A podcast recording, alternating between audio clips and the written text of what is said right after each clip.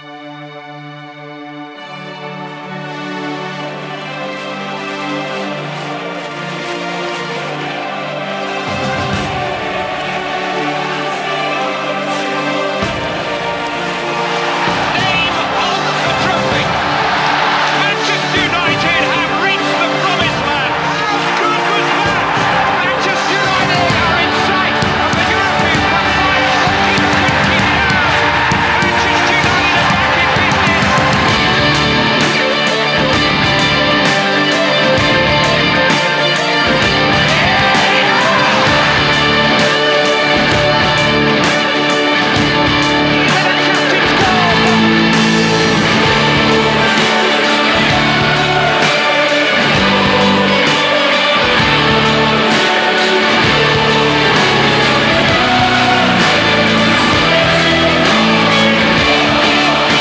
Rigtig hjertelig velkommen til Det Røde Hjørne, som er den officielle podcast for den danske afdeling af den skandinaviske supporterklub.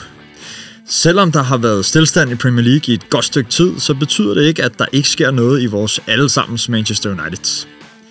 I dag skal vi blandt andet snakke om Uniteds kommende manager og det projekt, der venter for ham, og i den sammenhæng kigge øh, nærmere på, hvilke spillere vi godt kunne tænke os at se forlade klubben, og hvilke spillere vi godt kunne tænke os at se som en del af det kommende projekt. Vi kommer også øh, forbi Bruno Fernandes forlængelsen, Champions League exitet og kampen for at ende i top 4 og forventningerne til de resterende kampe i Premier League. Vi kommer også til at tage os selv lidt under lup, for er vi fans, sammen med særligt de tidligere United-spillere som Neville, Keane og Scholes, medskaber af en øh, negativ stemning i og omkring klubben. Så skulle vi egentlig også have haft øh, Chris med fra Manchester, men han er desværre blevet forsinket i et fly fra Portugal, så, så ham må vi vente med til øh, næste gang, og sådan er det jo. Men øh, til at hjælpe mig igennem det her program, har vi i dag øh, to gamle kendinger fra denne sæson, og så en rigtig gammel kending, som, øh, som har holdt øh, nogle års pause. Og lad os starte med en rigtig gamle kending. Morten Hartmann, Ja, Velkommen tusind til. Tak. Tusind tak.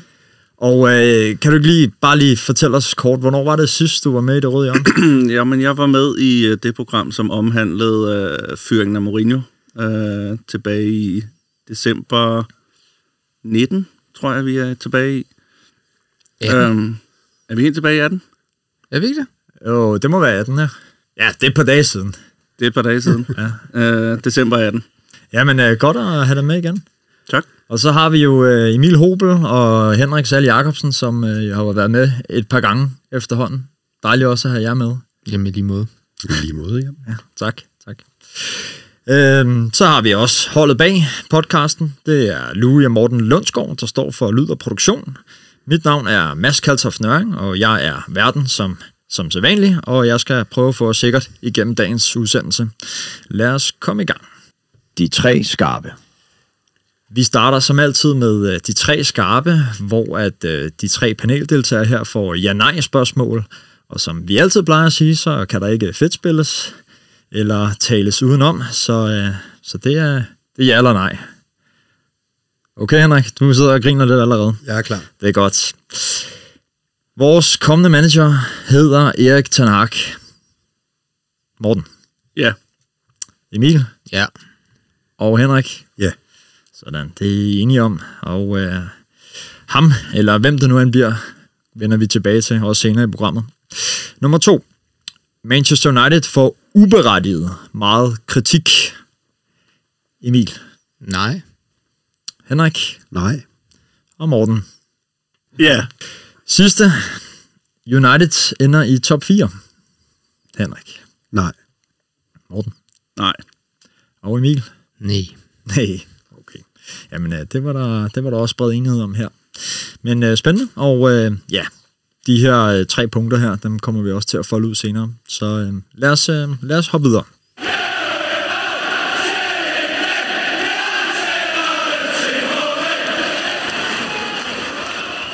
Siden sidst vi sendte podcast, der har United spillet fire kampe. Vi har tabt 4 til City, vi har vundet 3-2 over Tottenham, tabt 1-0 til Atletico og spillet 1-1 mod Leicester. Og øh, jeg tænker, at vi starter med at slå ned på Atletico, fordi det var ikke bare et nederlag. Det betød også, at vi røg ud af, af Champions League. Hvad er øh, reaktionen på den kamp? Var vi øh, godt nok forberedte på, på det, Atletico kom med? Ja, det tror jeg sådan set, vi var. Øh, altså, jeg, jeg, jeg, jeg, jeg har ikke et indtryk af, at det er forberedelsen, øh, der er problemet. Øh, problemet er jo, og det gælder ikke kun Atletico-kampen, men bare generelt, at vi ikke spiller godt nok. Vi spiller ikke godt nok i forhold til det budget, vi har, og de spillere, vi har, og umiddelbart heller ikke den manager, vi har. Og øh, det kommer så til udtryk i den her kamp, øh, hvor vi jo altså, ret beset ikke... Øh, ikke spiller godt nok til at gå videre. Selvom, altså jeg synes ikke, altså vi har spillet værre, bestemt spillet værre kampe end de to mod Atletico i sæsonen, men øh, det var ikke prangende, og det var ikke godt nok, og så røg vi ud. Øh, kæmpe skuffelse.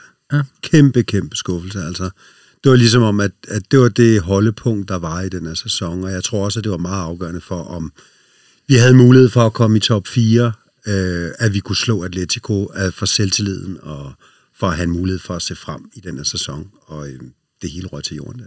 Det var også meget symptomatisk, ikke? Altså, der var, jeg sad bare i den der anden halvleg i i hjemmekampen mod Atletico, og, og jeg sad bare sådan, og, og, og det var jo egentlig, vi havde initiativet i anden halvleg, og, og jeg ved, presset på, og måske så meget sagt, for det var ikke, fordi vi skabte de helt store chancer, men vi havde initiativet, og, og i gamle dage ville jeg have tænkt, der kommer et mål, men jeg sad bare og tænkte, det kommer sgu nok ikke. Altså, det, det, det, var meget, det var meget sådan symptomatisk, den der lidt flade måde, vi røg ud på, at vi, at vi, at vi ender i sådan en hjemmekamp i en 8. Champions League, hvor vi ikke er i stand til at score. Og, og faktisk det eneste mål, vi scorer over to runder mod Atletico, det er sådan lidt et, et ud, af, ud af det blå. Det er et super flot mål, i øvrigt, men, men sådan lidt ud af det blå. Altså, øh, det, det var bare så flat. Men når nu at spørger, om ikke var, var godt nok forberedt, så når jeg, når, jeg, når jeg kigger på den kamp, eller tænker tilbage på den kamp, så tænker jeg, at det er præcis en kamp, som Diego Simeone gerne vil have. Stiller sig lidt ned, venter på, at chancen kommer, scorer et mål, og så kontrollerer de det jo egentlig mere eller mindre, mindre hjem.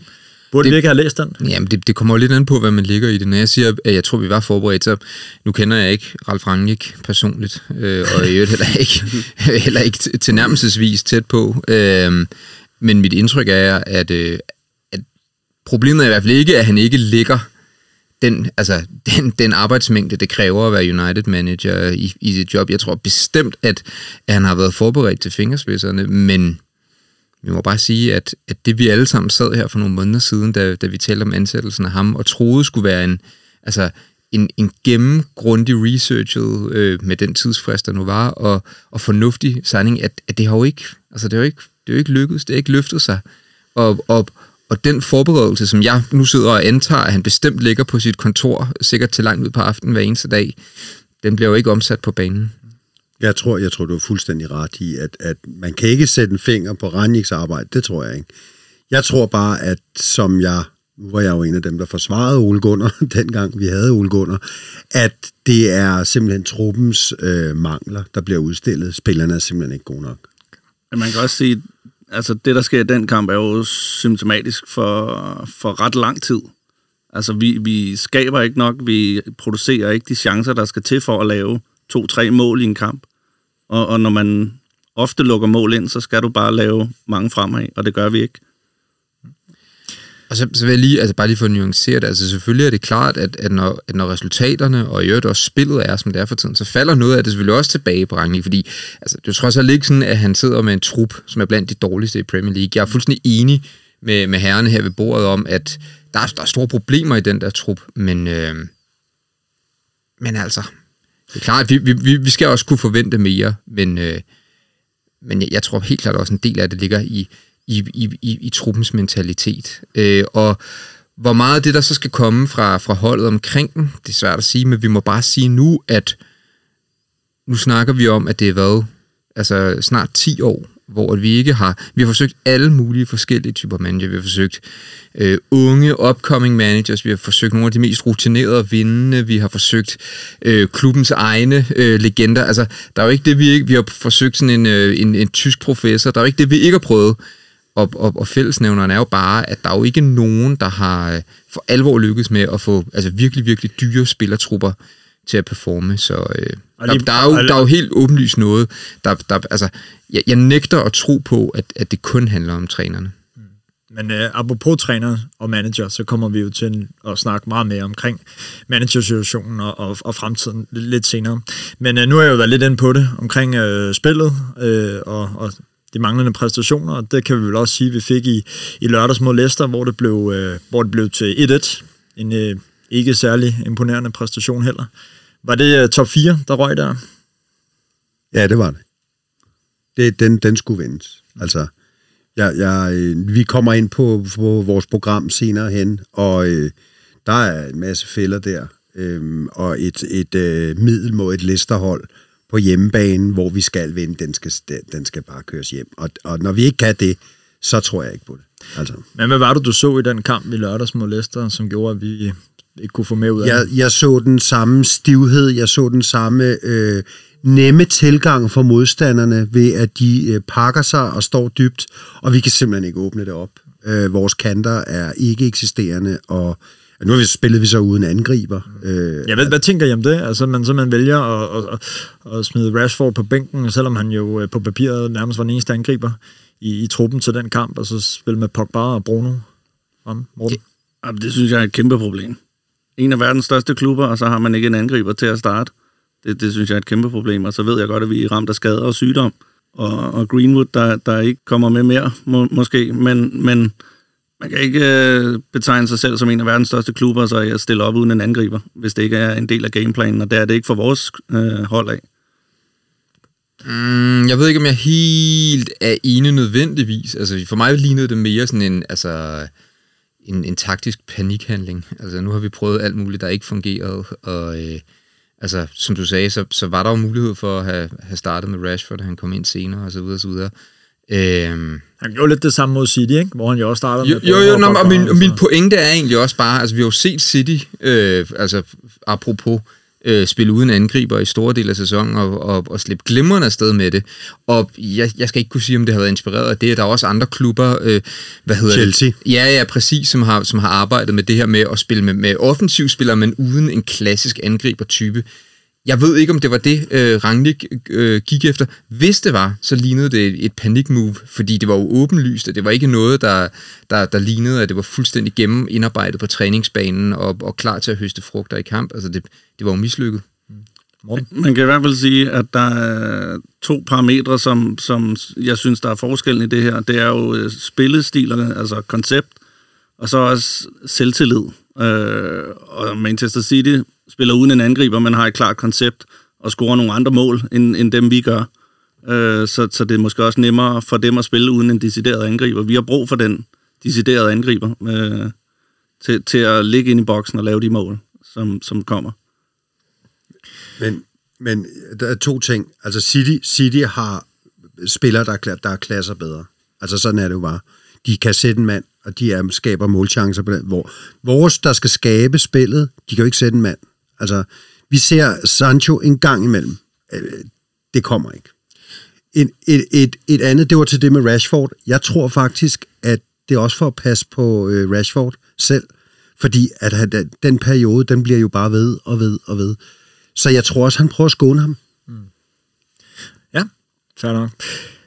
Hvis vi også skal prøve at kigge på noget af det positive, der er sket siden sidst, så øh, har Bruno Fernandes jo forlænget sin kontrakt. Øh, hvad, hvad ligger I den forlængelse? Er det ham, vi kommer til at skal bygge øh, vores, vores offensiv op omkring i fremtiden? Det, altså, det, er jo, det er jo enormt svært at svare på, når vi ikke ved, hvem der er den næste United-manager. Øh, altså, hvis vi vender blikket tilbage, så må vi i hvert fald sige, at Bruno Fernandes har været et af meget, meget, meget få... Øh, hvad hedder det, lys på det her United-hold i de sidste 3-4 år. Øh, I den forstand er det jo utrolig glædeligt, at, at han har forlænget. Øh, jeg synes, han har været den største oplevelse i United-trøjen i de sidste mange år. Jeg synes, han har gjort det fremragende. Øh, nu er der folk, der har talt om, at han ikke har været lige så i øjenfalden i den her sæson. Jeg synes stadig, han har været god i den her sæson. Altså, det, det vil altid være svært at leve op øh, til det, han præsterede det første år, han var der. Jeg synes stadig, at han har været altså, en af vores absolut bedste spillere.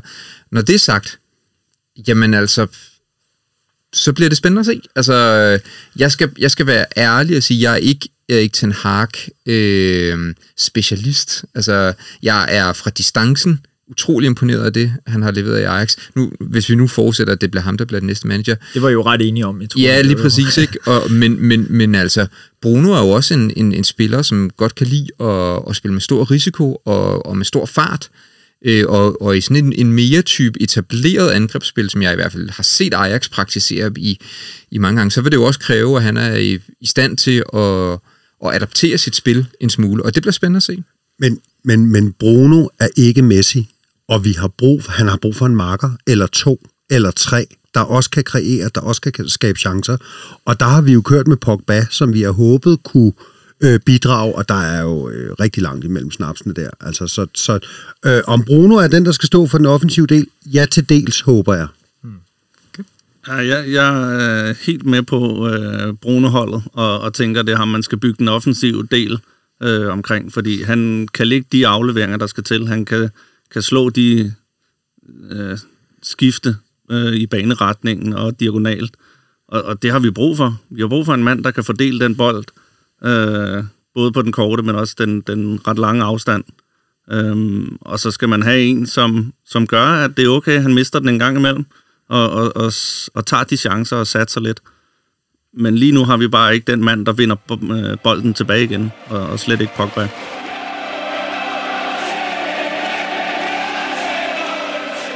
Emne nummer et. Manchester United har unægteligt fået en øh, hel del kritik i den her sæson. Særlige fans på sociale medier og tidligere United-spillere som Neville, Keane og Scholes, og måske også os selv her på det røde hjørne har bidraget til den meget kritik, der har været af holdet. Men er kritikken blevet for destruktiv? Er vi selv med til at skabe en negativ stemning og kultur i omkring klubben? Øh, jamen, hvor går grænsen? Og det, det er det, vi skal til at diskutere nu. Og Morten, det var faktisk dig, der, der gerne vil have det her emne op. Hvad, hvad er din oplevelse af den her kritik, der har været omkring United i den her sæson? Jo, men jeg tror ikke så meget, det handler om den her sæson udelukkende. Jeg tror, det, det er sådan et fænomen, der har været de sidste par sæsoner, at, at vi er hurtigt til at, at, at skyde alting ned. Altså, vi skal snakke en, en ny træner og, en, og et nyt projekt lige om lidt, og, og hvor, hurtigt, hvor hurtigt skal man pille, pille tingene fra hinanden, og, og sætte en finger på, at det var forkert, og han var forkert. Øh, fordi jeg tror også, meget af det her, det handler om, at, at det er lidt selvopfyldende. Altså, jo mere vi snakker om det dårlige, jo dårligere bliver det. Og, og det er altså 11 helt almindelige mennesker, der går ind på den fodboldbane. Men hvis de, hver gang de skal snakke med journalister, eller skal læse noget øh, i et, et ugeblad, for at vide, at de, de er dårlige, og de præsterer dårligt, så, så tror jeg, det bliver svært i længden at gå ind og præstere godt. Og, og jeg synes, der er et, øh, et godt eksempel med Harry Maguire i øjeblikket. Altså, han bliver fandme ikke bedre kamp for kamp, når han får at vide uge efter uge, at han er den dårligste, og, og til med bliver buet af nu af, Englands egen fans. Øh, så, så jeg synes, det, det er sådan en balancegang i at få et konstruktivt blik øh, kontra et generelt bare utilfredshed, øh, der kommer til udtryk. Ja. Er I uh, enige, Emil? Ja, Jeg synes, det, altså, først og fremmest, jeg synes, det er en enormt interessant diskussion, og jeg synes, du har nogle gode pointer. Øh, hvis jeg skal svare på dit spørgsmål, Mads, så, så synes jeg bestemt ikke, at kritikken er uberettiget. Altså tværtimod, det har jo været altså, 10 år præget af dårlig ledelse og skuffende resultater. Selvfølgelig skal vi være utilfredse. Og selvfølgelig, altså når, når United ikke engang kan klare at komme videre fra 8. delsfinalen i Champions League, og sandsynligvis slet ikke kan klare at komme i, i Champions League næste år, så skal vi være utilfredse, og så skal vi kritisere, for det budget, vi har, det er så stort, at vi burde spille med om Premier League hver eneste år. Vi burde spille med i den sidste del af Champions League hver eneste år. Det har vi ikke gjort i overvis, så selvfølgelig er kritikken berettiget. Betyder det så, at man skaber en, hvad skal man sige, selvopfyldende negativitet? Ja, det gør det nok. Altså, det, det, i hvert fald bidrager vi til negativiteten omkring klubben. Men altså, prøv at høre. Altså, vi snakker om en milliardforretning. Vi snakker om stenrige spillere. Vi snakker om altså, millioner af fans på verdensplan. Vi kan jo ikke, altså, vi kan jo ikke pakke holdet ind i, i bobleplast og sige, at de skal forskånes for... Altså, sådan, sådan fungerer verden jo ikke. Øh, altså folk skal stå til regn. Sådan gælder det jo også i, i resten af verden, at hvis folk ikke gør deres job godt nok, mm. så, skal de, så skal de stå til regnskab for det, og det gælder jo også her. Men, hvor- men hvor går grænsen for, hvad, hvad, der, hvad der er rimeligt? Jamen, det, det går jo, jeg er med jer begge to, øh, også selvom det måske står lidt ved sit yderpunkt. Men, men når det bliver personligt, jeg synes, når det bliver personligt, så, øh, så går vi over en grænse. De skal have smæk som hold. De skal have megatæsk, altså fordi det er simpelthen for ringe. Men når de begynder, når de begynder at bue af ham, og der har jo været alt muligt. Og han har, han har måske også selv ageret lidt sjovt i nogle situationer. Det var den der, hvor han scorede mod, hvad var det, et eller andet, i en landsholdskamp, hvor han glider ud og holder sig til ørerne. Og så, altså, der skal han måske holde lidt lav profil, fordi det, det kører ikke rigtigt for ham. Og, og kampen efter, der, der fejler han jo også. Altså, så, så det personlige, hold det udenfor, og så øh, kritisere holdet, kritisere træneren, det, det, øh, det er en milliardforretning, og det, det er name of the game. Sådan er det. Og, men Og jeg, kritisere spillerne, hvis de ikke, altså, hvis de ikke spiller godt. Men lad være, altså, så, så kritiserer dem for at, altså, ikke at, at, at, levere på det niveau, de skal. Men, men jeg er helt enig, selvfølgelig. Altså, når det bliver personligt, så, så er det overstregen. Ja. Jeg er enig. Men, men uh, har forventningerne til, til Manchester United simpelthen været, været for store for, for, for os fans? Nej. Nej.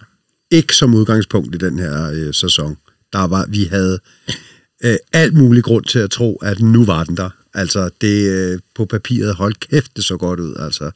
Øh, og så har vi jo, vi, vi jo også, vi har ikke været heldige. Det, det må man også, altså, vi har været ramt af en by af uheld med Cavani, der er skadet hele tiden. Cristiano, der måske ikke led helt op til det, vi havde håbet på. Øh, Greenwood, der øh, ja, er ude i det, han nu er ude i, og øh, ja, Maguire, der har et formdyk, og Bruno. Bruno havde også et formdyk i starten af sæsonen efter EM og sådan noget. Altså, Luke Shaw, øh, der er der mange. Og man kan sige, jeg synes jo, nu nævner du Luke Shaw, og jeg synes jo, Luke Shaw er et klasse eksempel på det her med, at når man møder modgang, altså nu er vi måske helt tilbage til Mourinho, øh, og, og den modgang, han møder der, øh, så kommer der et trænerskift, og på de, de år, Ole Gunnar har ham, der bliver han øh, måske en af verdens bedste vensterbak. Øh, med, med, med den EM-slutrunde, vi lige er igennem, og, og så kommer der nok et dyk i, i humør og form, øh, når man taber en, øh, en finale. Men, men at sige, at man så ikke skal levere, eller vi ikke må stille krav, det, det er jo ikke det, jeg øh, prøver at pointere. Jeg prøver bare at sige, at, at, at alle verdens øjne er på Manchester United, hver gang de spiller, og hvis at, at hele klubben har det her dårlige omdømme, og vi selv forstærker det, både på fans og legender, så, så bliver det sværere og sværere at komme ud af. Vi graver et dybere hul øh, for den klub her, ved at det hele bliver negativt. Og, og jeg er helt med Emil, at, at det er svært at se lys for enden af tunnelen, fordi vi har været et hold, der aldrig har kunne tabe, og når vi så ud til at tabe, så, så vandt vi over tiden. Um, så, så man kan sige, vi kommer også fra et sted, hvor at, at det er fandme svært at, at, at, at fortsætte den kurve. Nu er der gået ni år, øh, hvor, hvor det har været meget lavt, og den, den må da gerne begynde at gå opad igen. Det, det er vi jo ikke uenige i. Men, men jeg tror også, man skal acceptere, at, at det ikke øh, bliver overnight, og, og det bliver måske heller ikke næste projekt, der, der øh, ender den her. Men, men kritikken, den, altså, den, øh, den kan være skarp, og den kan være... Øh, det synes jeg også. Og jeg synes også, jeg forstår godt din pointe med, at uge efter uge efter uge, der sidder de bare og havler dem ned og sådan noget. Men husk nu, det kan vende lynhurtigt. Altså, lige så hårdt, som de kan gå til den, lige så stor ros kan de også give. Og øh, slår vi Liverpool, jeg tror det ikke, men, men gør vi det, øh, øh, slår vi Arsenal, kommer vi i top 4, så er det en helt anden historie. Mm. Og, det, og det kan vende lynhurtigt. Mm. Emil, øh, du nævnte før, at øh, det næsten er, er 10 år siden United sidst har været i nærheden af, af et mesterskab og, og Champions League for den sags skyld. Øhm, skal vi United-fans øh, sætte forventningerne lidt ned til, til United øh, de næste år? Så længe at vi har den type brainstørrelse, som vi har, den type supporter, øh, hvad hedder det, størrelse, vi har øh, på verdensplan, og så længe vi ikke mindst har det spillerbudget, som vi har, så ville det, hvis vi satte forventningerne ned, være det samme som at acceptere, at de andre klubber er bedre til at gøre deres arbejde, end vi er. Og det vil være at spille for lidt. Vi må aldrig affinde os med, at, at vi ikke kan levere det samme for de samme penge, eller flere penge, end vores konkurrenter. Altså, og hvis vi ikke kan det, så er det jo fordi, at der er de forkerte ansatte i klubben. Det, sådan må det, sådan, de forventninger skal vi stille til klubben. Og så synes jeg også, altså, det, det er sådan på det rent, hvad skal man sige, forretningsmæssige perspektiv, som, altså, som fan har jeg det også sådan, altså hvis først vi som United-fans begynder at acceptere, at vi ikke længere er et storhold, så, øh, så er det godt nok trist. Men øh, Morten, nu var det jo dig, der bragte emnet op. Hvordan kunne du godt tænke dig, at man øh, sådan fremadrettet taler om United, også i tider, hvor det måske ikke går så godt? Men jeg synes bare, at jeg er enig med Emil, meget enig, øh, og, jeg, og jeg vil da også øh, være ærgerlig, hvis vi ikke skal kalde os en af verdens øh, største klubber. Men, men spillemæssigt, der, der bliver det ikke løst sådan der. Øh, altså, det, det, er ikke en, det er ikke et quick fix, øh, vi er ude i her. Altså, det, det, det er jo en, en lang proces øh, for at ændre det her. Det har vi jo også set i, i de andre klubber. Øh, City øh, og Liverpool nu, deres genrejsning, eller hvad man skal kalde det, har jo taget otte år. Så det, det er jo ikke noget, der kommer, øh, kommer over natten, og, og, og, og vi skal ikke acceptere, at vi er nummer 3, 4, 5, men, men man er også nødt til at forholde sig til den situation, der er. Og, og så må vi blive bedre og stræbe, og det, det, nu er der kommet en sportschef, og Dan Fletcher er hentet ind som teknisk, øh, teknisk direktør, og, og der bliver lagt lag på, og det må man jo håbe giver på det, men det bliver nok ikke næste sæson, øh, at man går ud og siger, nu vinder vi mesterskabet. Men jeg kan ikke lade mig at tænke på, øh, de her spillere, de er, de er højt betalte, de er vant til at spille under et kæmpe pres. Skal de ikke kunne abstrahere for den kritik, de møder fra for eksempel tidligere United-spillere eller, eller fans på sociale medier for den sags skyld? Altså, altså, uanset hvor mange penge de tjener, så er de jo trods alt kun mennesker. Øh, og, og de fleste af os øh, har svært ved ikke at lade os påvirke, hvis vi, hvis vi får hård kritik. Øh, eller skal ud. øh, så, så det, er jo, det er jo kun naturligt, hvis, hvis spillere som Harry Maguire er, er påvirket af det, der sker omkring ham. Og det er sagt, altså, så er det jo ikke, altså, så er det jo ikke forskellen på et mesterskabshold og et, der bliver nummer syv. Altså, det er professionelle fodboldspillere. Jeg tror, de fleste professionelle fodboldspillere er gode til at lukke de fleste andre ting ud, når de spiller fodbold. Altså, jeg tror mere i virkeligheden, det er uden for banen, at det måske kan have nogle, nogle store konsekvenser. Så øh, selvfølgelig er de påvirket, men, men det er ikke det, der er forskellen på. Og, altså, det er jo ikke 20 point på en sæson, vi snakker om her.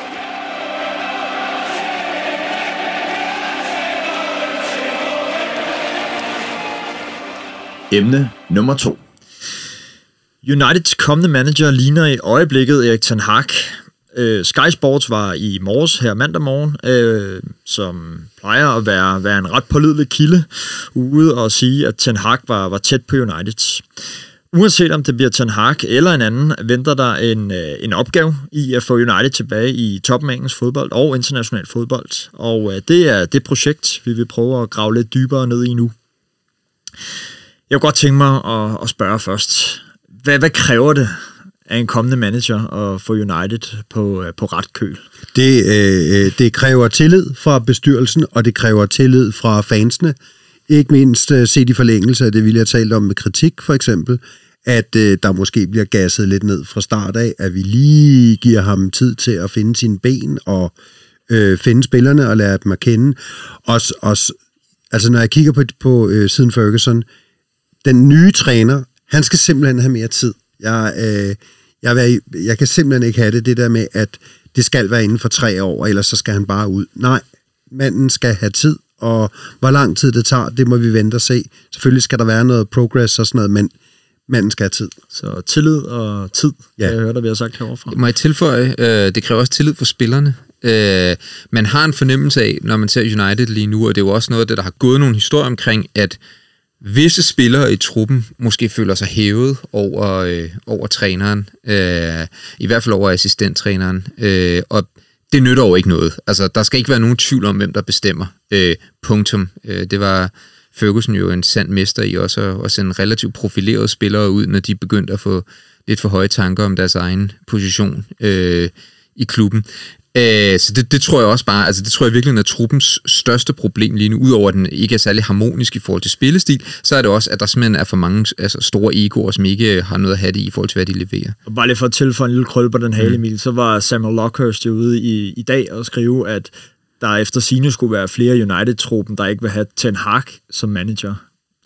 Okay, det, det, det, det har jeg ikke set, og det, det er selvfølgelig lidt for uroligende. Øh, hvad, hvad, hvad der så ligger bag den historie. Men, øh, ja, og øh, hvem er det? Er, det? er det måske nogen, der ser sig selv som værende ikke eksisterende i Ten Hag's system?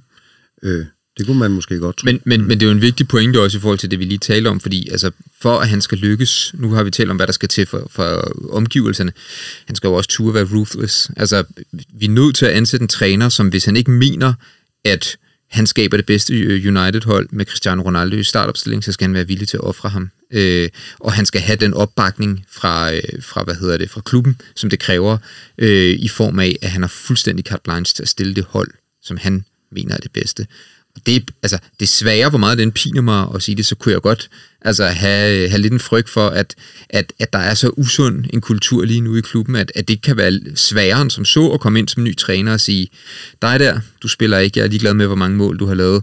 Dig der, det kan godt være, du anfører, men du spiller ikke. Øh, det, det, bliver, det kommer til at kræve sin mand. Der tror jeg, der tror jeg altså, at Ranjik han spiller en rolle i det der. Jeg tror, at Ranjik han er hyret ind med, med, med to ting øh, for øje. Et, at vi håber, at noget gegenpres og hans øh, tilgang til spillet kan gøre, at vi kunne komme videre i Champions League, og vi kunne komme i top 4. Det kunne det så ikke. Den anden øh, øh, ting, som var med Ranjek, det var, at han får lavet en analyse på den trup og på spillerne, og simpelthen er manden, der øh, fører kosten. Og han var jo selv ude i dag, Reinik, og sige, at, øh, at han, han er ved at have sin analyse på plads, og han blandt andet efterlyser noget mere, mere fysik. Er det det på den, øh, hvis vi skal prøve at kigge på den korte bane, Morten, er det noget mere fysik, vi skal have ind på holdet, eller hvad, hvad tænker du, han skal, øh, der skal ske her på den korte bane? Om der er ingen tvivl om, at på den korte bane, hvis man skal lave det genpres, som vi, vi drømmer om, at skal definere spillestilen, så, så kræver det fysik. Øh, og, og, og det må man jo bare sige, når man stopper op med hænderne op i vejret og ikke, og ikke løber tilbage, så er det svært for dine øh, teammarker at, at lave det genpres ordentligt. Øh, det, det skal være 11 mand.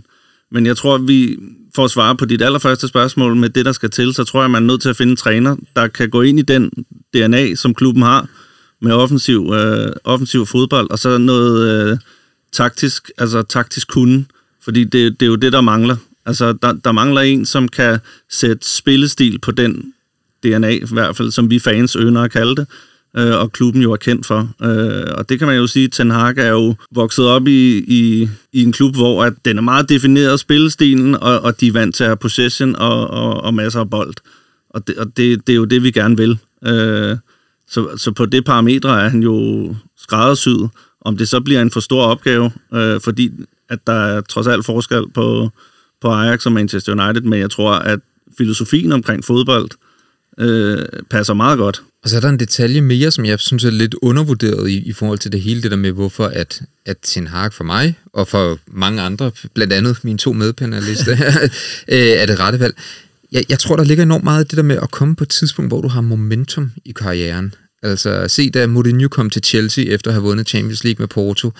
Øh, Klopp, der, der, der kommer fra Dortmund, der er klar til det næste skridt. Nu ved jeg godt, det ikke sluttede helt godt for ham øh, i, i, i Dortmund, inden han kom til Liverpool. Men der er bare, altså, jeg kan godt blive sådan lidt, når jeg kigger på Pochettino, som jeg har utrolig stor respekt for. Jeg synes, altså, det han leverede i Tottenham, øh, som jo kulminerede for dem øh, med, med den der Champions League-finale for en 3-4 år siden, vanvittigt imponerende, og de spillede fedt, og det var et fedt hold. Og, Fedt hold. Øh, men, men så har det jo bare været altså, tre år i glemmebogen derfra, og jeg, jeg kunne godt være sådan, altså, hvad, hvad, hvad er det for et sted i hans karriere, han kommer med? Altså, fordi det, det lugter lidt mere af, af den Mourinho, der kom til United for mig, eller, øh, eller den Van Gaal, der kom til United for mig. Altså, så der, der er et eller andet i timingen omkring Ten Hag, som også bare føles helt rigtigt. Og det kan jo være, som Morten helt rigtigt siger, det kan sagtens være, altså det er et kæmpe skridt at skulle gå fra Ajax til Manchester United. Det ville være et kæmpe skridt også for ham, hvis han skulle være Arsenal-træner eller Real Madrid-træner, eller hvad ved jeg. Altså, der er et stort hop, og det er ikke sikkert, han kan det. Øh, men, men der er noget i, i forhold til, hvor han er på sin karrierekurve, som jeg bare synes virker helt, helt rigtigt. Altså, det er en mand, der kommer med kæmpe appetit på sin karriere. Øh, det er en mand, der kommer med vindermentalitet, og det er en mand, der kommer med det, som jeg synes i de seneste fem år har været det, øh, der har fungeret bedst for, for nye manager. Altså en helt, helt, helt klar og gennemtænkt tilgang til, hvordan han vil spille fodbold. Og der kan man sige, Ten Hag, det er hverken rigtig Guardiola-fodbold eller, eller Klopp-fodbold, men det er et gennem, altså et gennemtænkt offensivt koncept, og det, det, det, det tænder jeg på. Og man kan sige, Van Gaal prøvede jo lidt på det at lave den der røde tråd ned igennem, ned igennem systemet. Der kommer til en hak fra, fra en klub, hvor at, at det kører helt ned til de laveste ungdomsrækker. Det er sådan her, vi gerne vil spille fodbold, og, og, og det tror jeg, man har brug for. Man har brug for, at nummer 3-4 på pladsen, de, de kan gå ind og tage den, uden at der kommer de store udsving.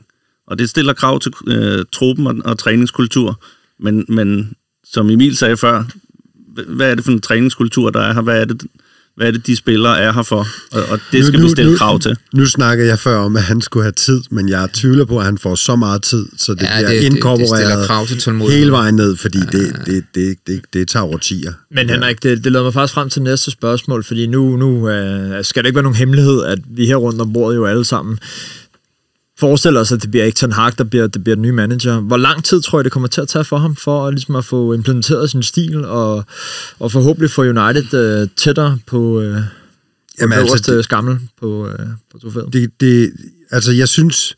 Jeg håber virkelig, at Ten Hag, hvis det er ham, det er jo, der er jo mange visser, men jeg håber virkelig, at den kommende træner er med ind over, at Bruno forlænger for eksempel. At, at de signings, der bliver lavet nu, bliver lavet til den nye træners system og filosofi. Øhm, hvor lang tid det så tager, Jamen, jeg tror ikke, vi er så langt væk. Jeg tror, inden for tre år, så tror jeg, vi er med. Mm. Ja, jeg er meget enig. Altså, jeg, jeg har det sådan lidt... Altså, den første sæson er for mig at se rimelig gratis. Altså, vi skal selvfølgelig ikke ned og være i nedrykningsfasen, og det er ikke det, vi taler om. Men altså, øh, for mig at se, hvis vi, hvis vi bliver nummer 6, altså, so be it. Hvis der, hvis der er tegningerne til det rigtige. Vi kan også alle sammen, hvis nu sammenligner vi med de to hold, der desværre har domineret Premier League de seneste par år, så, så tror jeg, at Klopp i hvert fald halvandet, to sæsoner på sådan rigtigt at få tingene til at virke, og, og Guardiola øh, blev også kun blandt nummer 4 det første år i City, eller sådan noget. Øh, de skulle også bruge noget tid. Der var ta- man kunne godt se, hvad det var, de gerne ville hen imod, men de skulle bruge noget tid på at omstille de her klubber til, hvad det var, de gerne vil. Og den tid må vi også forvente. Altså, hvis vi sidder nu her og, og efterlyser, at, at, at tingene skal gribe så meget anderledes an, at der virkelig skal nogle fundamentale ændringer til, så må vi også være klar på, at det tager noget tid at implementere.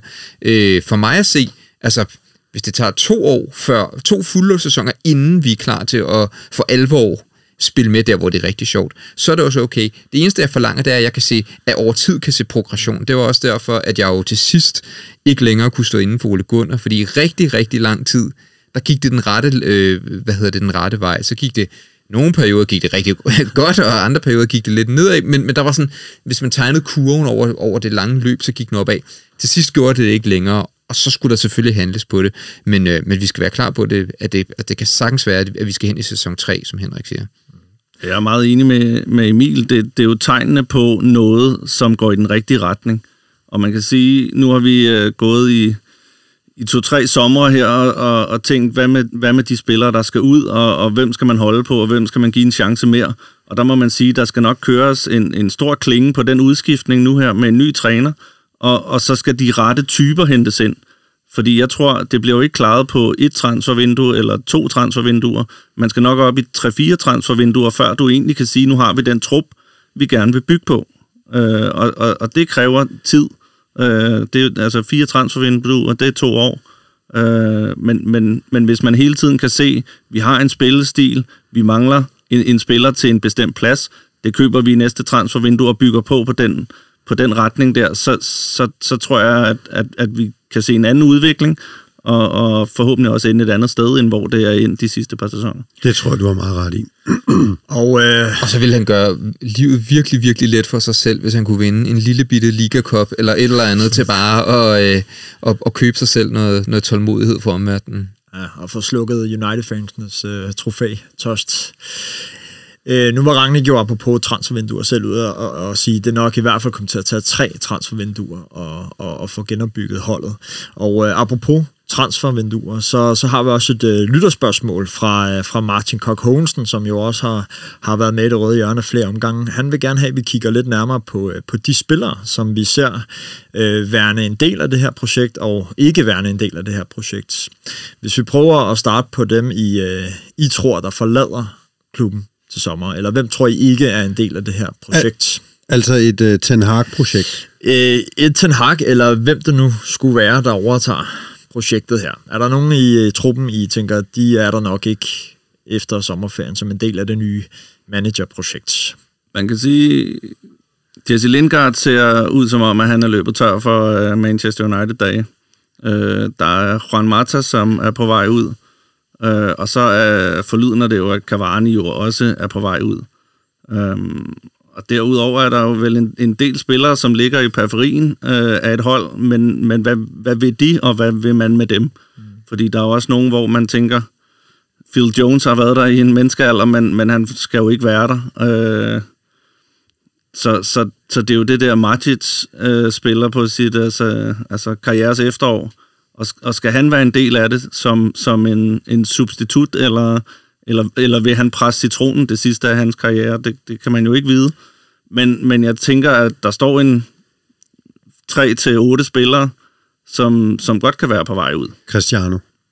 Ja, jeg Kommer vi, ikke, kommer vi ikke i top 4, så er han væk. Det er jeg sikker på. Tror, tror jeg det? Tror jeg, Cristiano er væk, hvis ikke vi kommer i top 4? Jamen, ja, ja altså, jeg, jeg, jeg, jeg, jeg er også, altså, jeg tror, hvis, hvis øh, Erik Ten Hag er så klog, som jeg, som jeg håber og har en fornemmelse af, at han er, så tror jeg også, han ser, at hvis øh, Cristiano forsvinder, og hvis Pogba forsvinder, så forsvinder der to kæmpe, kæmpe talenter, men der forsvinder også to skikkelser, som ikke har kunne levere det, der altså ego fylder på holdet, og som i sådan en, en længere genopbyggelsesproces måske mere vil bidrage negativt end positivt. Jeg tror, han, altså jeg tror, han ser det der med, at Pogba har øh, kontraktudløb som en, en fin mulighed for at slippe af med ham uden den store dramatik. Og jeg tror, at, at hvis man kunne ende i en situation, hvor Cristiano selv siger, at det kunne måske være meget fint, hvis jeg fandt en anden klub, at så ville han ikke gå super, super, super langt for at overbevise ham om det modsatte. Det tror jeg. Altså på, på, øh, på alle fodboldhold, der er der et hierarki, og øh, der er vist ikke nogen tvivl om, at Pogba og, og Ronaldo, de ligger i toppen på Uniteds hierarki. Men, men det nytter jo ikke noget, at toppen af hierarkiet ikke præsterer. Altså det, det, det er ikke forgangsmændene, det er dem, der skal gå, øh, vise de andre vejen, øh, og, det, og det sker ikke. Så i det, det, jeg kan fornemme, det er, i et, i et nyt projekt, der, der, bliver det, der bliver det ikke med Pogba og, og Ronaldo ombord. Det ved jeg jo ikke, men altså, hvis du spørger mig, så vil, altså, hvis det var mig, der Det kom ind som manager, og hvis jeg var til en hak og spillet fodbold på den måde, som, som han gjorde, så ville jeg tænke, det- vi skulle nok bedre tjent uden, uanset hvor, hvor store spillere og navne der. Til gengæld tror og håber jeg, at Marcus Rashford bliver. Øh, fordi hvis der først kommer lidt medvind i sejlene, og med den type fodbold, vi forhåbentlig skal spille, så tror jeg stadig på, at han kan have en, en lang og virkelig flot Manchester United-karriere. Og hvis, hvis vi bare lige forventer Marcus Rashford, som jo også har, har lignet en spiller, der, der mildest talt har haft en, øh, en, en, en kæmpe selvtillids øh, her i, øh, i den her sæson. Skal han blive, eller har han simpelthen bedre af at komme, komme et andet sted hen? Eller tror I, en ny manager vil kunne, øh, kunne ligesom få gang i ham igen? Altså Manchester born and bred, jeg håber virkelig, han bliver. Øhm, og han havde lavet årets mål i, mod Leicester, hvis ikke han var blevet sparket ned af Lanka. Altså, øh, der er masser af kvalitet i ham, men øh, jeg sagde sidst, at jeg, øh, jeg troede, han har brug for en lang pause, og det mener jeg stadig. Øh, jeg håber, at han sparer ham, og at øh, det er så med friske briller til et nyt projekt til sommer. Og, og det kan man jo sige, som bunder i, i omtale og alt muligt. Han, han, han øh, har en svær EM-slutrunde, og er, er jo sindssygt uforløst. Kommer tilbage og bliver opereret, kommer skævt ind i en mega svær sæson på et hold, der er, udfordret fra nærmest øh, dag et, han er, han er med. Og, øh, og man kan sige, en ny træner med nye øjne, der går ind og, og, og banker lidt selvtillid ind i ham, som vi jo egentlig så, at Ole Gunnar godt kunne øh, få, få ham på, på et, et ret fint niveau, øh, så tror jeg også, han kan blive en kæmpe gevinst for, for holdet igen. Men der er en, vi mangler at tale om. Harry Maguire. Jeg skulle lige til at spørge, Emil. Du er, du er et skridt foran. Harry Maguire, han har jo også øh, været udsat for en del kritik, og også øh, blevet, blevet rygtet, rygtet lidt væk. Tror jeg, han er der efter, efter sommerferien? Ja, det tror jeg, og, og jeg, jeg, jeg tror det simpelthen fordi, at, at, at vi ikke kan komme af med ham. Blandt andet, altså det kan også godt være, at, at, at vi gerne vil beholde ham, men, men, men altså, vi, vi købte ham jo som verdens dyreste midterforsvarer, så vidt jeg husker, er han det stadig. Øh, der er ikke nogen, der vil betale en transfersum, der kommer i nærheden af det, vi betaler. Newcastle. ja, der er ikke nogen, der vil betale en løn, der kommer i nærheden af den, han får. Øh, han, altså, han kommer ingen steder, så det spændende bliver, hvilken, hvilken fremtid han har på holdet og i truppen, fordi altså, det vil jo være...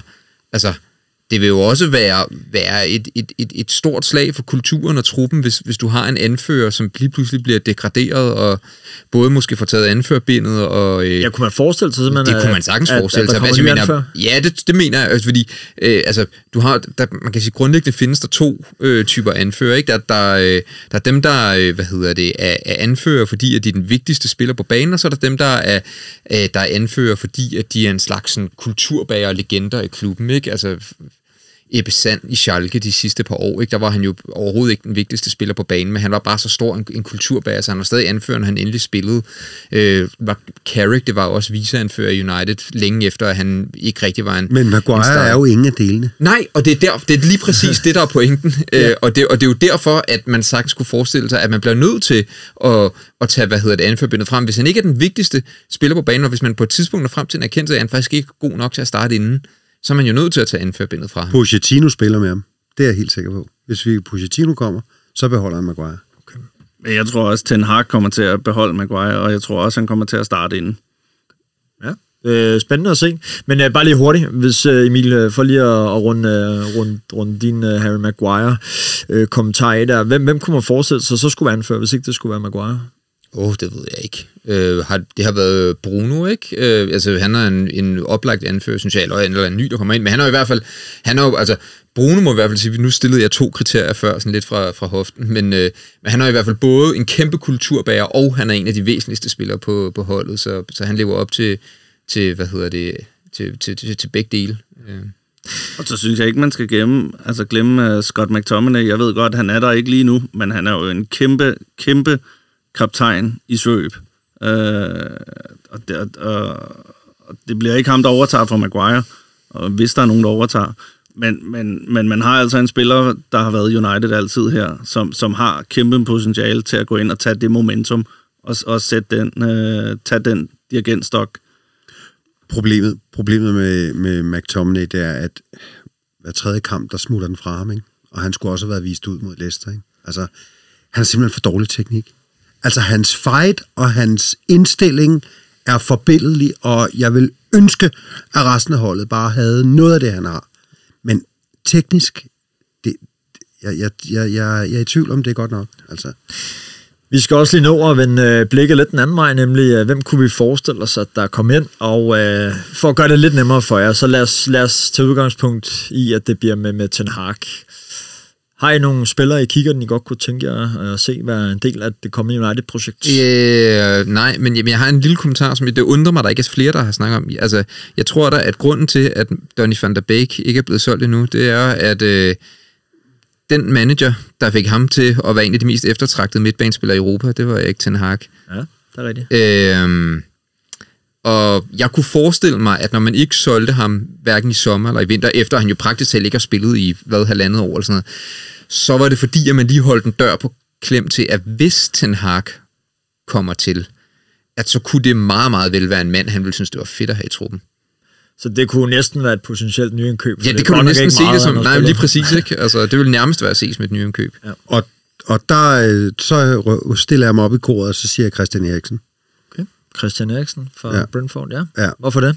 fordi at Christian han øh, spiller med hjertet, så at sige, i øjeblikket, og det han prøver, han spiller simpelthen sådan en øh, lækker form for fodbold i øjeblikket. Han er 100%. Han vil bare vise, hvem han er, og hvad han kan, og hvad han står for. Og han er øh, skolet i Ajax. og han er skolet i Ajax, og øh, give manden en toårig kontrakt, og lad os se, hvad han kan finde ud af sammen med Bruno. Det, som jeg sagde tidligere med, der skal være flere, der kan skabe noget fremad. Øh, vi har set Bruno være mega målfarlig, når han tager dybdeløbende, men han kan ikke spille sig selv, så der skal være nogen, der kan øh, stikke den. Men Henrik, hvis vi skal tage udgangspunkt i det, Rangnick har været ude at sige omkring sin analyse af holdet, øh, hvor han jo siger, at der simpelthen skal mere fysik ind på holdet, vil Eriksen så være den rigtige at hente ind? Nej, det vil han jo nok ikke. Ikke hvis man ser det i det billede, nej. Men der kunne være andre, der skulle øh, have en fodpedal, og så noget andet ind. Okay, okay. Har I andre, og I kigger den? Man kan sige, uh, Thielemans fra Leicester kunne være en uh, spændende spiller, og jeg, så har jeg en forsvarsfavorit i ham, Pau Torres, nede i Villarreal. Synes jeg også kunne være en, en spændende tilføjelse. Ja, hvorfor den? Jamen, jeg synes, han er god på bolden, og, og er en dygtig forsvarsspiller. Uh, og nu har vi jo spillet mod dem et par gange. Vi laver ikke mange mål mod dem, og, og det, det synes jeg også er, er, er et kvalitetsstempel. Han kommer vel kun, hvis der går nogen ud den anden vej, ikke? Jo, Øh, altså nu sad vi snakke om, at Maguire nok er fredet. Var der andre skal næppe nogen steder. Han har lige skrevet under på en stor og dyr kontrakt sidste år. Så skulle det være Lindeløf. Phil Jones, Bailly. Bailey. Jo, nej, jamen, nu, nu tænker jeg, at de tre... Altså, jeg har svært ved at forestille mig, at man skulle hente ham ind mm. til at være reserve. Øh, Men er det Ja. utænkeligt, at Erik Ten Hag tager nogen med for Ajax måske, hvis, øh, hvis det bliver ham? Nej, det er jo et meget klassisk move. Jeg kender ikke... Jo, der har været talt om ham der, nu kan jeg ikke huske, hvad hedder, den brasilianske kandspiller, de har. Ja, Anthony. Ja, Anthony, ja, præcis. Som det, jeg har set af ham, ser fantastisk spændende ud, men altså, det, det vil jeg nødt kloge mig på. Og, og man kan sige, at med den historik, som Donny jo også viser, øh, så er det måske ikke Ajax, vi skal hente fem spillere fra, når, når, overgangen, når overgangen er så svær, som den, den kan være i hvert fald. Øh, men at tage en, en eller to med, det, det kunne da kun være spændende. Jeg synes, din Thielemanns, det er rigtig spændende. Det vil jeg virkelig gerne have. Til den defensive midt. Hold da op. Øhm, så var der øh, Rudiger.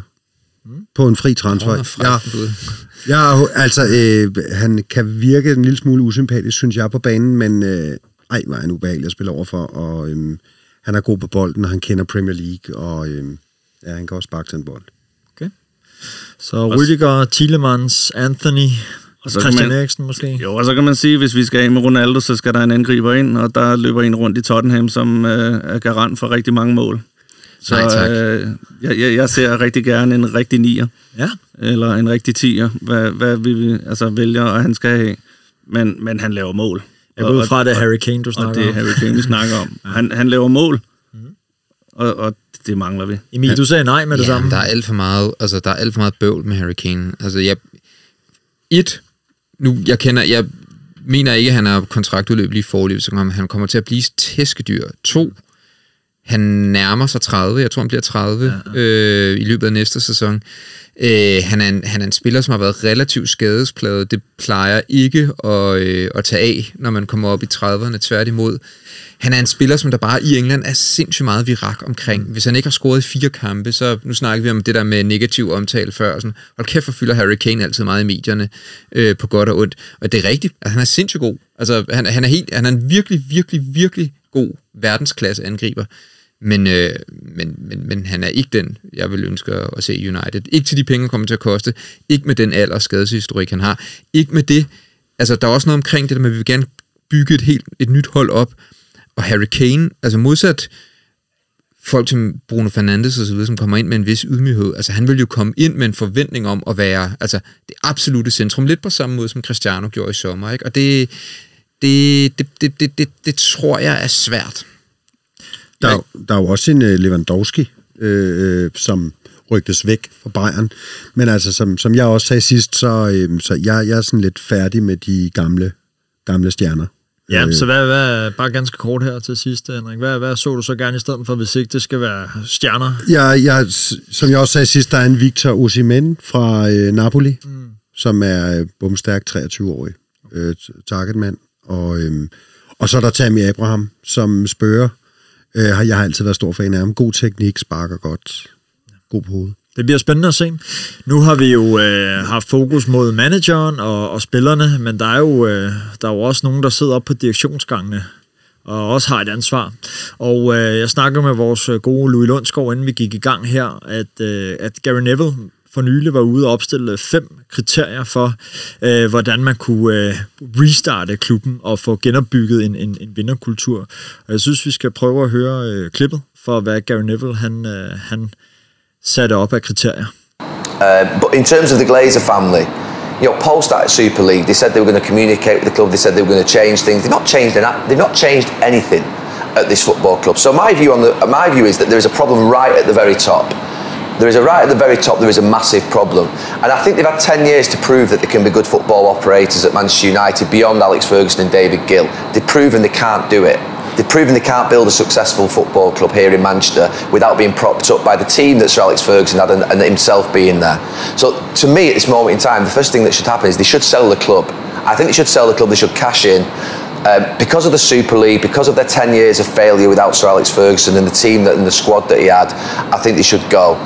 But if they really want to stay, because you can never force the Glazer family to sell, then they've got to do four or five things. They've got to stop taking the dividends out of the club, number one, if they want to reset the culture. Because when the owners are pulling money out of the club at the expense of the fans, at the expense of the project, at the expense of a, t- a successful team, it's a bad message from, from the very top. It, the cultural uh, aspect of that is terrible. Number two, they've got to pay off that debt, and they can do that by selling 500 million pounds of the shares to the fans, not take it out of the club and pay off that debt. They can then rebuild that stadium with a billion quid. Right, and it does need probably knocking down. To be fair, I know there was Andy Mitten spoke this week, who I respect enormously, who said he thought it needed uh, renovated. That doesn't need renovation. That needs a new stadium, and that money can be funded from a 20-year contract by getting a sponsor in at 60, 70 million quid a year. Call it something Old Trafford, but we have a brand new stadium, and again, it resets the culture of Manchester United having the best stadium in the world. That needs to happen. They then need to build a new training ground. Me and Roy were part of the squad when we moved 22 years ago out of the cliff, and we were devastated to leave the cliff. We now got a training ground that's behind Tottenham and the other training grounds.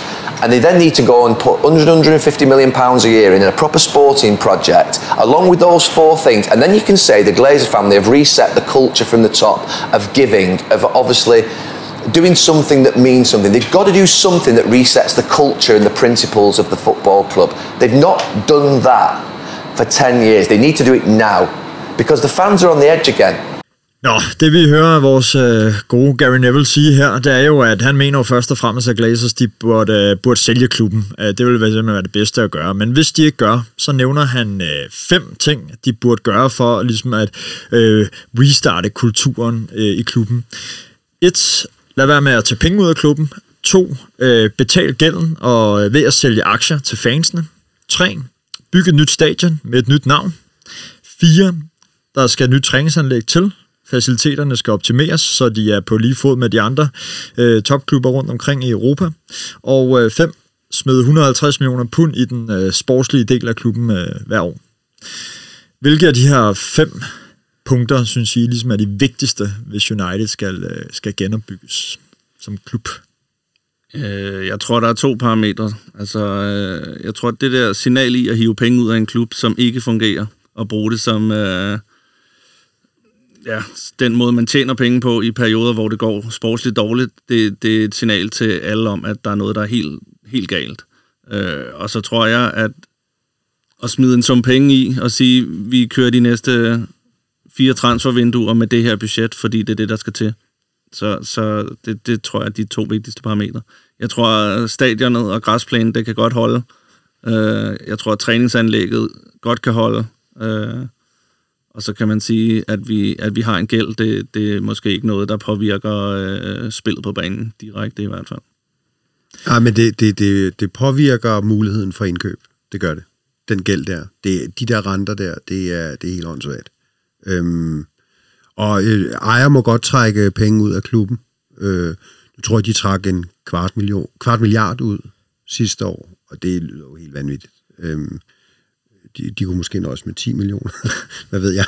Men, øh, men de må godt trække noget ud, men det er jo, det er jo selvfølgelig vanvittigt beløb, det der.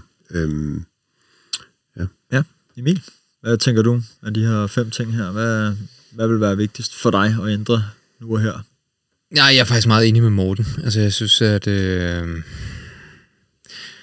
på, det, jeg, jeg, det er svært for mig. Jeg, jeg, altså, jeg er ikke analytisk nok ind i det til at kunne vurdere præcis, hvilke af de her ting, der for alvor vil have en stor effekt. Men, men, men det taler jo ind i et behov for, at der skal ske noget. Øh, og, og det taler ind i forhold til, at, at der er noget, der ikke kører, som det skal. Øh, jeg, jeg, jeg er enig i, at jeg, jeg, altså jeg tror ikke på den korte bane, at det at bygge et nyt stadion eller et nyt træningsanlæg, at det gør super meget for, hvordan United kommer til at stå de næste øh, 10 år. Næsten tværtimod, hvis man kigger på, hvor, hvor dyrt det har været for Tottenham og Arsenal at, at bygge stadions i, i tidens løb.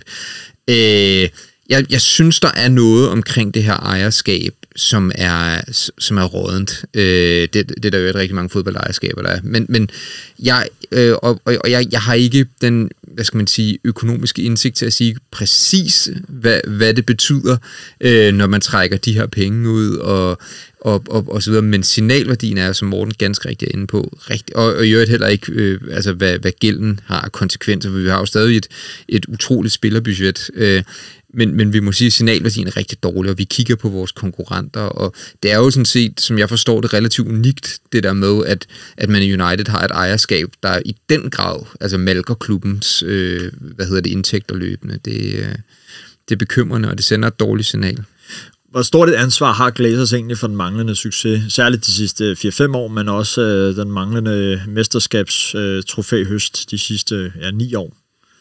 Jamen, det har de en stor... Øh, altså, det, det, det, det, det, det, det må vi tillægge dem en, øh, en stor del af skylden for. Øh, de er selvfølgelig ikke, hvad hedder det, direkte øh, ansvarlige for, hvordan spillet på banen ser ud, og hvem der bliver skiftet ind og ud, og hvem der ikke spiller, og så videre, så videre.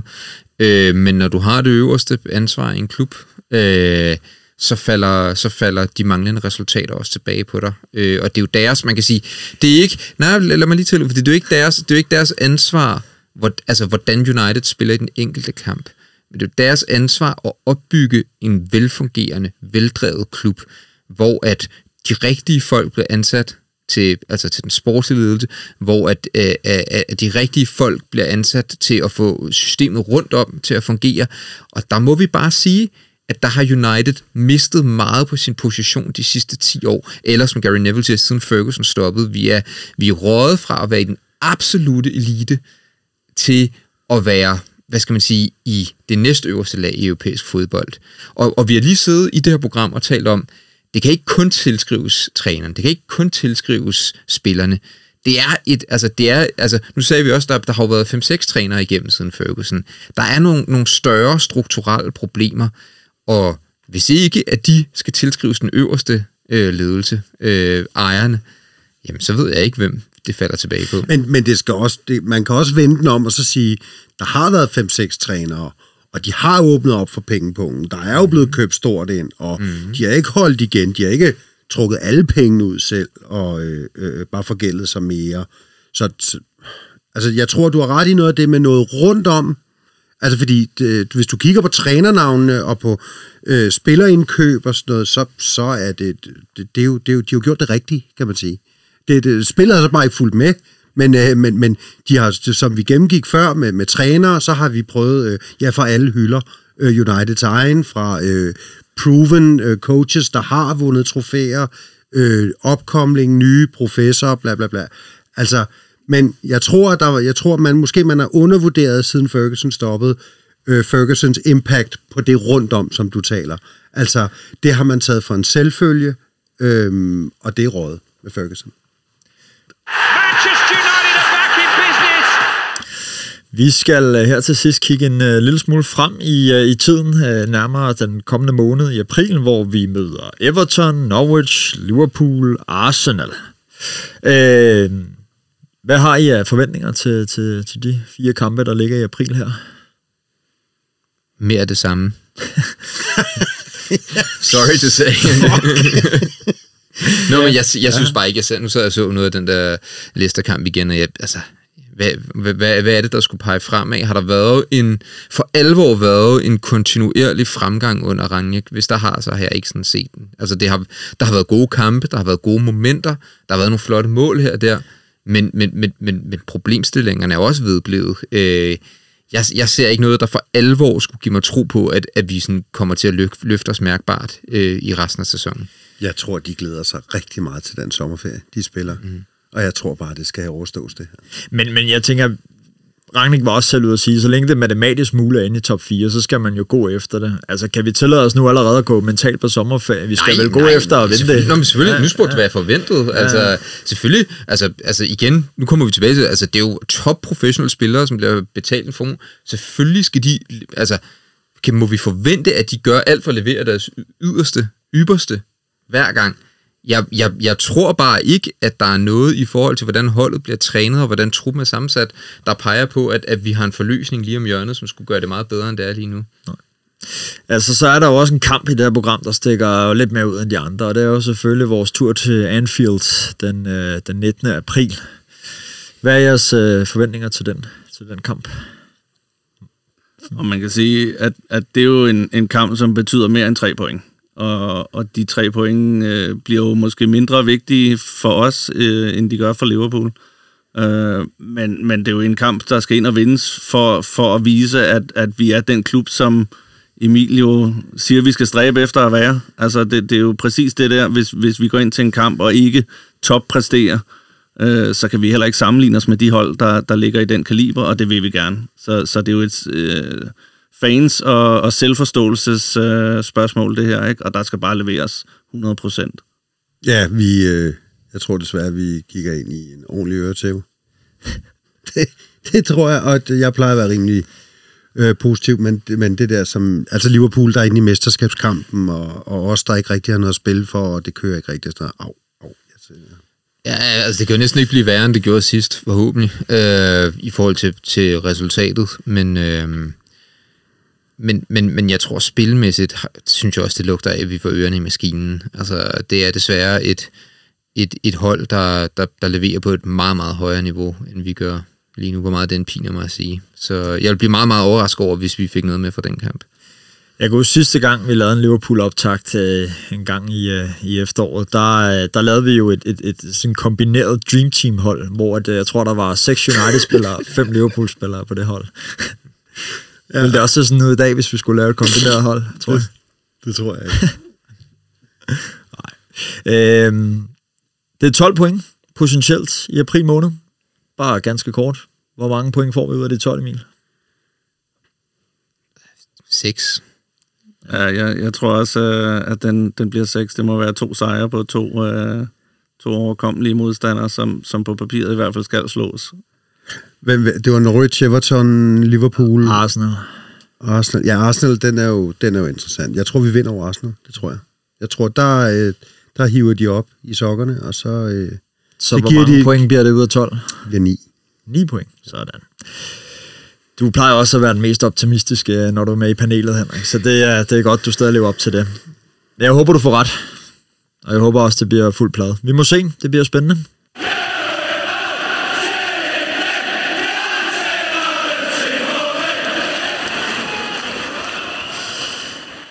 Vi er ved at være nået til vejs ende. Morten, Emil og Henrik, tusind tak, fordi jeg har lyst til at være med. Velbekomme. Selv tak. Mange tak. Jeg håber, at øh, det, var, det var okay at være tilbage, Morten, efter, ja, hvad, fire år? Spar, to, tre år? Og en chat?